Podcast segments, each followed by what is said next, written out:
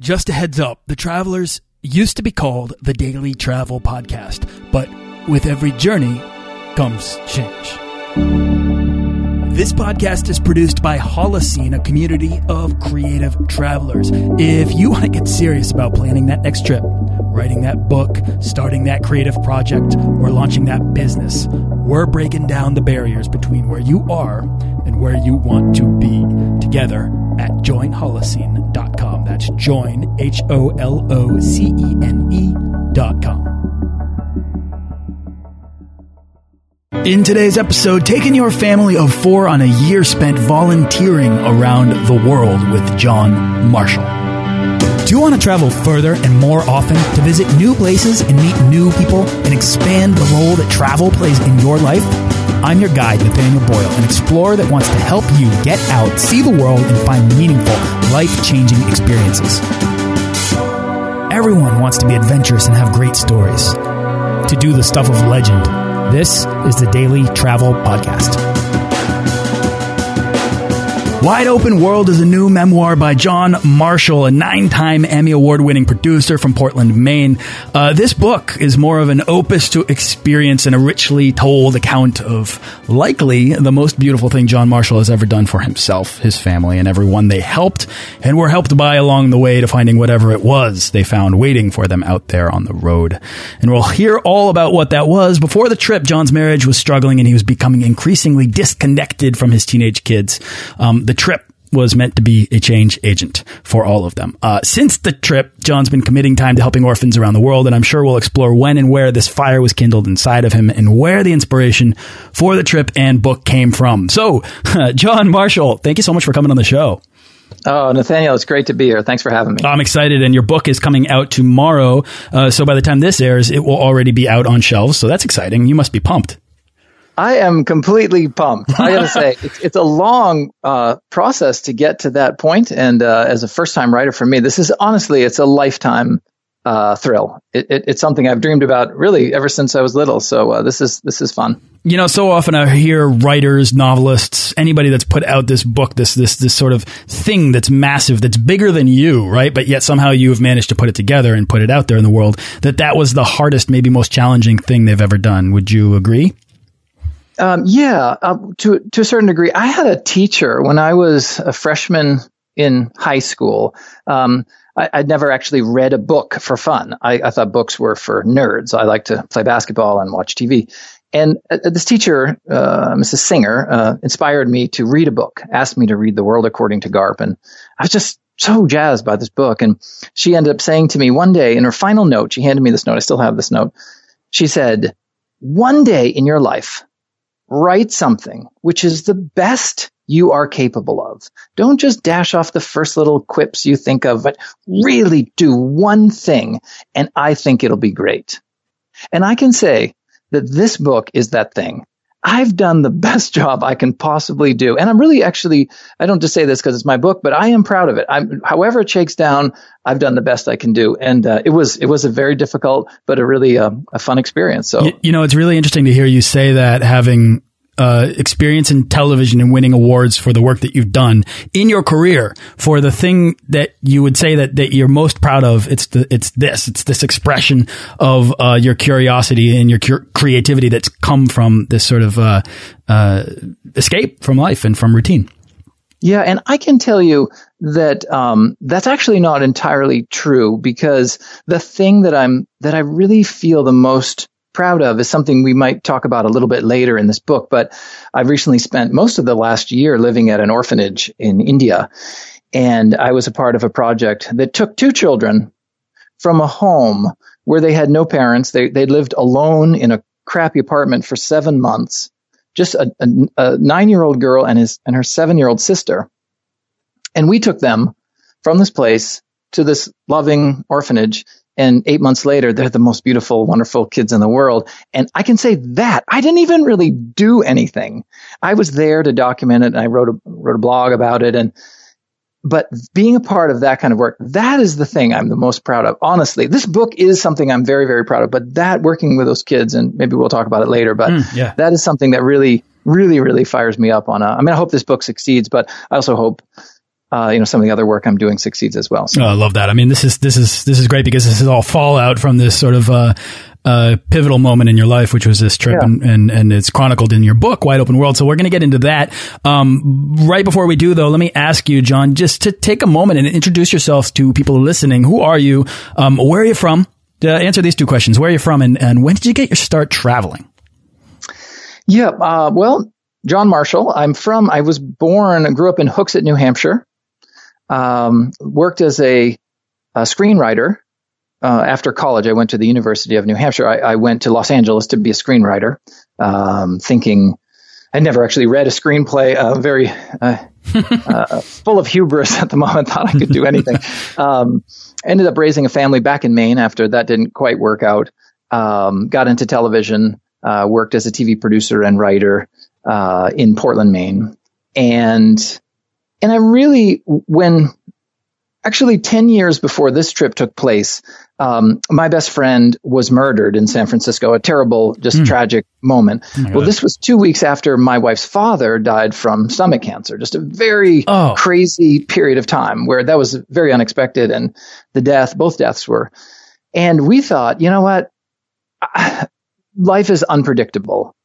We should, what do we want to do with this life? And so my wife had always always loves travel and she said let's go live in another country. And so we packed up our kids. We sold our house and our son at the time was seven our daughter was five and we went to live in portugal in a portuguese fishing village for a year. And we didn't know where we were going. We picked portugal truly arbitrarily and we ended up driving without any destination drove uh, drove well first went to England, went over onto the onto Europe, and then drove down into Portugal. And we ended up walking out of our car in this beautiful place. And my son at seven said, "Hey, this is it." And we stayed there for a year. I mean, really, that was about the extent of our research. and um, that was an amazing time. So we were prepped even to think of something like this from that experience. Were you able and, to? Sorry, were you able to just sort of take a break from your career at that point? I guess I actually just said, I'm dropping everything for a year. I was so heartbroken by my friend Shane's death, and my wife was so heartbroken by her father's death that we both didn't care. So we said, I don't care about careers or anything. We're dropping out and we'll see you later. It ended up being the best thing I could have done for my career because for, eh, for some reason, people think if you step away from your career for a little bit that people will look down on you as a slacker, but actually it was the total opposite. People thought, wow, you must have really, you know, great courage and you must be a risk taker to do something like that. I, I think it ended up, for me anyway, people absolutely admired it just for the sheer bravery because they couldn't imagine themselves doing it. Right. Um, so in that regard, we did have to step step back and say, look, we're we're dropping everything for a while, and we ended up doing the same thing again with this next trip. Got it. So you were there for a year. And let's see, your kids were you said seven and five, and so yeah. uh, it was another uh, nine years before the next trip, right? Right. And and in this case, so a lot of time had passed, and that first magical time in Portugal, our kids were very small. They went to the public school. They learned Portuguese just like that. Uh, we lived just so connected, and it was so great that Flash forward nine years, that was not the case. My wife and I were growing more and more distant. Um, I was just feeling so disconnected from everyone in the family. My kids, who I just love, I, I had, I, you know, I watched my daughter on her phone and on her Facebook page and just, just absolutely lost in cyberspace all the time. I just was desperate to try and find them again and pull them back. I didn't know how to do it. I, and, my son was getting older. He was getting ready to leave home. He was 17 and I was just feeling like, and I was also feeling at my work, just not inspired at my job. And I thought, I just need something different. And actually the, the uh, seed of this idea happened on a yoga trip of all things. My wife is a yoga instructor and wanted to go on a yoga vacation for her birthday to the Bahamas. I didn't want to go at all, but I went and I did all the yoga. You know, I did the daily two twice a day hour and a half sessions and I got up and meditated and did the chant. I did all the stuff. Yeah, it's not easy. I, no, and I can tell you, after a week of that, I felt better than I've ever felt in my life. I felt all the stress was gone from my life. I just felt clear headed. And on the flight back from Bermuda, um, from the Bahamas, I was just sitting in the plane looking out the window when three words really just popped into my head. And those words were year of service. Hmm. And right, right away, I wasn't asking a question. I wasn't even thinking of anything, but it really felt like an overriding answer to the question of my life, which was, how do I connect with my life? And I thought, year of service, like, what if we did a year of service? What if we all went and did this year? Wouldn't that be amazing if I could unplug the kids and connect with my wife and reconnect to my own passion for the world? What would happen? I mean, some people report that their lives are really changed forever by a single week of overseas service. Yeah. Yeah. What could a year do? What would it be like if you could volunteer and serve others for an entire year? And so that's really, I knew, I knew as soon as I said these words out loud, they would happen. And so I didn't speak them. I just kept them in my mouth, like, you know, I say in the book, like marbles, kind of rolling them around in my mouth. And I knew, like, once I let them out, it's done. And I, we got to Atlanta and I, I said them and that was it then the, the trip kind of was almost a foregone conclusion at that point. You know, it's interesting. I mean, loss, right? Like um, tragedy or loss, it, it, comes up on the show more often than you might anticipate. Um, and it, it is almost always invariably a catalyst for change, right? It's this proximity to your own mortality that gives you, it sort of forces uh, you to be faced with the the return on on how you're spending your own time, right? And all of a sudden you say, "I'm I'm not getting a great enough return here. I need to I need a better investment plan here." Um, and so so I think people that that that really like almost trumps everything. Like you were saying, you didn't care about your career and all of this stuff. Um, but for somebody that had just gone to, and I know this, John, because I was a uh, film student and I studied screenwriting and I lived in Hollywood and I've done that whole thing. And I think that there's this sort of, um, there's this pursuit of uh, of the self there, right? Like there's this pursuit of of greatness because you think that if you can become a famous screenwriter, then you'll be famous and then you'll be happy, right? Like that's going to solve all your problems. Right. Um, but what I love is that that the different steps in your life have have clearly forced you, I think, to to come to this point of selflessness and of service and of understanding. I mean, now you're helping orphans, and you're saying it's the most, uh, uh, it's the best, uh, most proudest work that you've done. Um, I think that's so indicative of this journey that you've been on. I'm wondering, did you, were you able to tell the difference? Like when you get back from Portugal and you guys have this amazing experience and then you begin to see the struggles within your own family and the mundanity of uh, uh, everyday life, were you able to sort of better tell the difference um, because you had spent the time in Portugal? Do you know what I mean? Yeah. I mean, but one thing I believe is that routine hypnotic. That routine lulls you into a sense that almost puts you to sleep. And that, so life and raising a family is a series of routines. It, it, you know, you get up, you make breakfast, you put the clothes on, you get them to school, you go to work, you come home, you, you, you have dinner together, you put them in bed, you're tired, you go to sleep, you, and you repeat again and again and again. And that you can do everything that you do without any sense of awareness. You, you don't need to think when you open the door. You don't need to, you, you're almost like a robot in many ways where you're just getting through the day. And, and, and, and I did it for years. and, but I can say that this trip, the thing about this trip was suddenly everything is new. There is no routine. And so you're suddenly vividly awake and it, it's really not so much more different um, than that. That it's it's it's like night and day, but it's the difference between being asleep and being awake. And um, and so we found, like particularly on our first place that we went to, um, we went to an animal sanctuary down in Costa Rica, and I chose that place first because I thought it would be easy. you know, I, I really thought, well, look, we'll go here. What will we do? Feed a couple animals. Uh, we'll scrape out a few cages and we'll be on this beautiful rainforest oceanside place. How great. Um, turns out nothing at the Osa was easy. It was hard to get to. Uh, it's way down. If you look at Costa Rica, there's a peninsula on the southwest that sticks out like a little boot.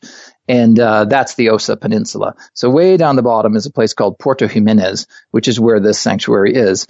And um, so we went down to this place, and it turns out it's one of the only places that I know of that's raising orphaned or injured monkeys outside of cages. So if you can imagine, wow. Uh, so when you're there, yeah, you live in a cage. so so so your house and and the kitchen and any place you'd eat has bars on the windows and the monkeys are outside. When you step outside, you're just part of the larger monkey troop.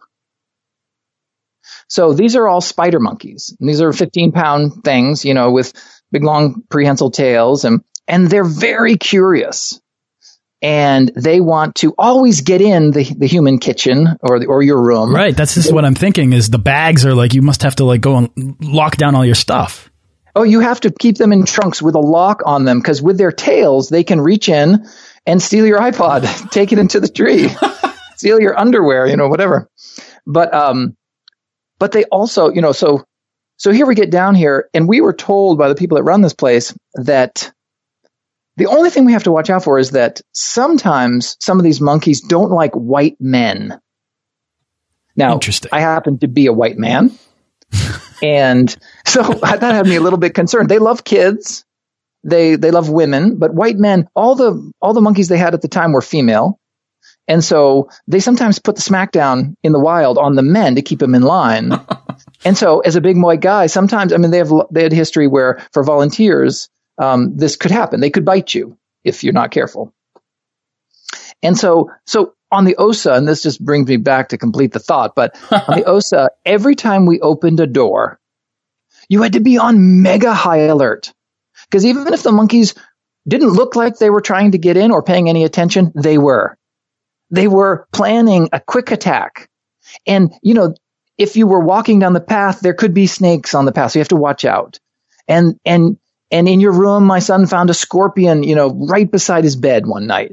And so, but you are on constant state of sort of high alert as opposed to in your regular life where you're in you're on a constant state of no alert, absolutely just autopilot going through life. And that was a really exciting change. I mean, as as difficult as some of the stuff was, um, it was an amazing transformation to go from that uh, uh, kind of a sleep state to a fully, fully awake state. What an amazingly perfect um, lesson, though, to learn right out of the gates, right? Like, I mean, maybe you already knew this, but that's a shock to the system, right? And I think to expose yourself to new experience, uh, that that's the best way to put yourself in the position to let the best stories happen to you, right? So this idea, I mean, if, if you had gone to this monkey sanctuary and it was exactly like you thought and all the monkeys were contained and there was no interaction and it was like going to the zoo, you wouldn't have half as interesting a story as you just as you just told. And the most interesting part of the story was the challenge of it, right?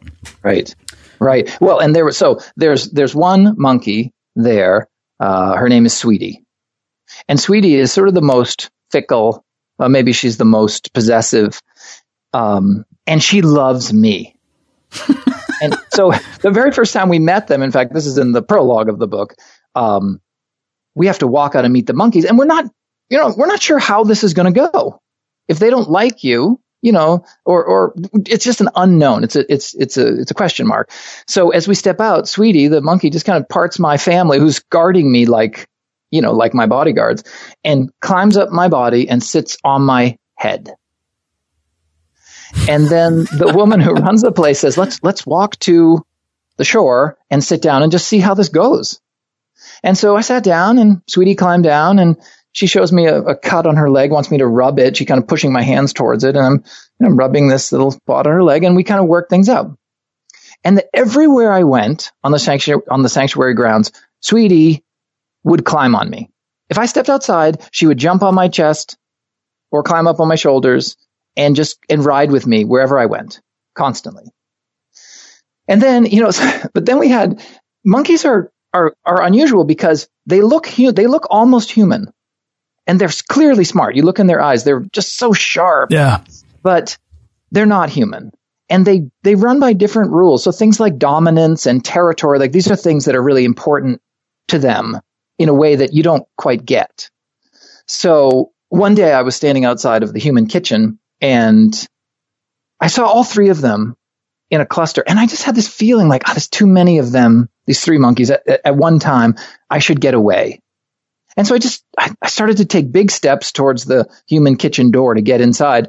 And after just a couple steps, this one younger monkey, whose name was Winky, runs over and kind of grabs my shorts, looks up my shorts like, and then puts her mouth on my leg the way a dog might, you know, like with a soft mouth might kind of put their put their teeth on your skin. Yeah. Not trying to bite me, just playing. Well, Sweetie just did not like this at all. so she flips out. And she comes over and rather than, you know, slap her, her sister, she bites me. For, for being, I don't know what, unfaithful or she's jealous or like, I don't know. Oh she's keeping me in line. So she bites me in the leg. Um, and I have big veins in my legs, you know, just like, uh, and so she punctures one of these big oh, veins. no. and I'm just like a stuck pig, just bleeding all over the place. Well, then spider monkeys, for some reason, it's a crazy, it's a crazy bit of programming, but they always bite three times. What? So they never just bite. They bite and then bite and then bite. And it's not just like a bite, bite, bite. It, it's kind of like a gnawing. They kind of go, ngang, ngang, ngang, ngang, oh, ah. ngang, ngang, ngang, ngang, oh. ngang, ngang, ngang, ngang, and then they're done. Then they'll sit down and stop. But once that switch is thrown in their brains, they seem unable to stop. They just, that's what they do. Three bites. John, are you freaking out at this point? I mean, to be bitten by a spider monkey, I think it has to be, rank up there on one of the scariest things that could happen to somebody while traveling. Yeah. Well, I, so I was bitten on my lower leg. I was bitten on my other leg and then I was bitten higher on my, on my calf.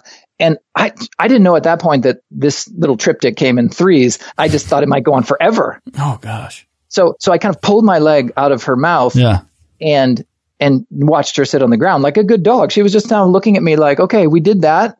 Now you know where you stand and let's just get back to playing, you know? and so I, I, went inside. I mean, the crazy thing Not about cool, it sweetie. is, yeah, after that, and I kind of got, I still like, I had really grown to love her. I mean, I want, it was such an amazing trip to be welcomed into their little group that um, I wanted to go back out and meet her again. And so, you know, I had to heal up for a little bit. And, you know, then I went out and she came running. I mean, as soon as she saw me, she raced across the ground. I seriously was feeling like my heart is beating out of my chest, thinking she's just going to come and like, bite, you know, take my face off or oh, something. Oh, and she just climbed up and said hello. Wow. And then we just, you know, we spent another two weeks. Now we ultimately had some more run-ins that you can see in the book, um, which were just, you know, when I look back on it, it was kind of, um, you know, surreal that I stayed there so long. But, um, but it was, you know, and, and I do want to say that this place, for anyone that, that reads the book and sees it, like I really do endorse this sanctuary as a place to visit because these monkeys are only, they only bite on their side of the island, which is where, you know, no, no visitors usually go to. And they, you know, they get territorial over certain places, but like on tours, these monkeys come and meet people and they do this all year long. They've been doing it for, for years and years and no one ever gets bitten it's only when you go in their territory and kind of mess with their lives and that then they they have to put you in the troop you know they don't they have to they have to keep you in line. So i mean i i am a big supporter of this place so it's not like i'm i'm trying to run them out of business. Right right. John let me ask you um what did you see beginning to happen with your family uh, within the first you know week or so of being out on the road together? Well and it's interesting. I don't know if uh, your your child is still so young but as uh, as she gets older, you may find, and maybe other parents can find, that kids are not great workers around the house. you know, they, they, I don't think I ever was. Yeah, no, exactly. Very reluctant worker. Yeah, if you say to kids, "Hey, anyone want to rake the yard?" You know, very few kids will be like, "Pick me." And let's work for hours without a problem. You know, like, like, it, but on the road, in fact, this, the, the uh, second place we went to, um, after Costa Rica, we went to New Zealand. And New Zealand, we were going to be woofers. And for anyone that doesn't know what woofing is, woof stands for willing workers on organic farms. And this movement is all across the world. You, every country has a woofing program. I'm just about every country. Yeah. And, and it's so potent in New Zealand. It is. And you can go just click on the website and pick a country you want to go to. So we thought New Zealand, that, that's a big program down there. So uh, that ended up being a great way, a very inexpensive way, because it doesn't cost anything to woof. You just have to get there, and then people give you room and board in exchange for a certain number of hours um, a day. Well, so because it wasn't us saying, "Hey, who wants to chop wood?" It was, you know, because it was just that's the deal. This is what we're doing. We are here, and we have to work five hours a day, four hours a day. Some places were more, some places were less. Um, the kids just worked And I've, I've said it many times, but watching your children work willingly is an amazing experience. You know, after, after going out and, you know, say shoveling, and after 10 minutes of shoveling, your kids might say, oh, what time is it? You know, yeah. how, how, how long have we been doing this? How much more do we have to do? There, they know it's five hours. And so you just go cut wood or you go weed in the garden or you do whatever you got to do. And that's part of your room and board. And I know maybe it wouldn't be the case for every family. I don't know, but I know in our case, our kids really rose to this challenge and suddenly you, you could just see they're capable of so much more than you ask of them you know, you very rarely ask them to, um, you know, go into this place and teach your own English class. or, hey, I need you to go in there and um, you're going to take care of this entire nursery of orphan children. And suddenly your kids say, oh, okay, uh, this is my job. Like, I'll do it. And, and when you watch them rise to that challenge, instead of being the sit around and I'm busy watching TV kind of kids, they suddenly become these completely capable world changers, that is a great thing to see and just a great experience for them to also live through. John, what do you think it was that made the change there? Do you think it was the sort of novelty of experience that came with the work here? It, it, it could have been. I can also say at the OSA, there was a day where we got chewed out because my my daughter was still slipping onto the computer. They had Wi-Fi there when the generator was on, and my son wasn't really doing his logs for the animal feedings, and and and so we just got ripped into by the guy who was running the place, and basically said, "This is not a vacation. You're here to work, and if you can't work, you shouldn't even be here." And it, it was really an eye opener. And I I told the kids because they they actually weren't there for the actual lashing. I told them how serious this was and from that moment on, I think it was like a light bulb because my kids the next morning, for the first time in our whole trip, this was three weeks in, they got up on time and they got to work by by eight o'clock when they were supposed to. And they didn't complain and they just did the job. And from that point on, the whole tone of the trip really changed. So I don't know, sometimes uh, those types of things, even though this fellow Earl apologized to me profusely afterwards for losing his cool. I said, no, no, that, that, that completely was necessary. And, and it really was the lesson that we needed right at that moment, I think. I'm wondering, have you seen this carry over into their lives and into your own life in terms of finding, I mean, I, obviously I think you have for yourself, finding the work that matters and pursuing that. Um, it, it teaches sort of that lesson on a, on a micro scale because it's it's doing something that interests you that that you can actually in, find enjoyment in doing as opposed to going through the routine uh the, that sort of nagging ache of drudgery that that uh that people I think find themselves sort of defaulting towards. Yeah. Well, my son, it, it was great. He, when he was uh, ready to apply for college, he wrote his college essay and he asked me to read it. And I said, uh, yeah, yeah, you know, let me, let me take a look. And his essay was about a time that he was in a hot tub with three of his buddies. One of their friends had a hot tub and they're sitting in the hot tub talking. And the three buddies were saying how they all wanted to be rich. One wanted to be a rich engineer. One wanted to be a rich doctor. One wanted to be a rich businessman. And it got to Logan as they were kind of talking about their futures, my son Logan. And he said, I didn't even know how to put what I wanted to do.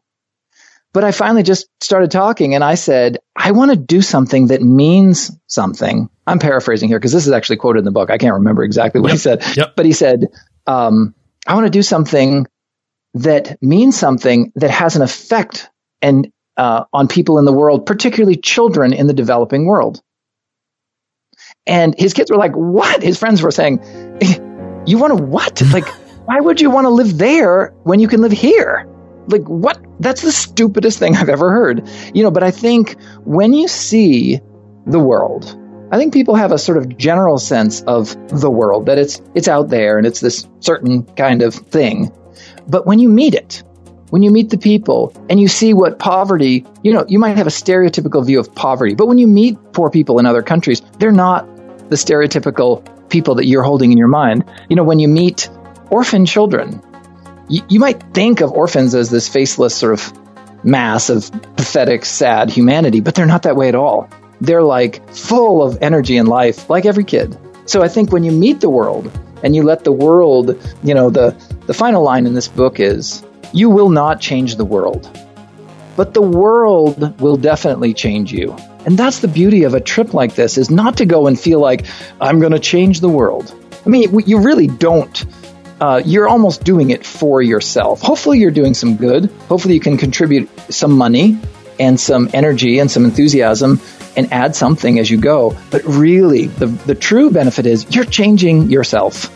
And that was the that was the takeaway for me of this entire trip was the opportunity to change my children, to change myself, to change my family. That was really the the, the great reward. You've been listening to part one of my conversation with author and producer John Marshall. Tune in tomorrow to hear more about the emotional value of John's travels, how travel can help you find that one thing in your life that you can really pursue, and what he's doing to help orphans today in India.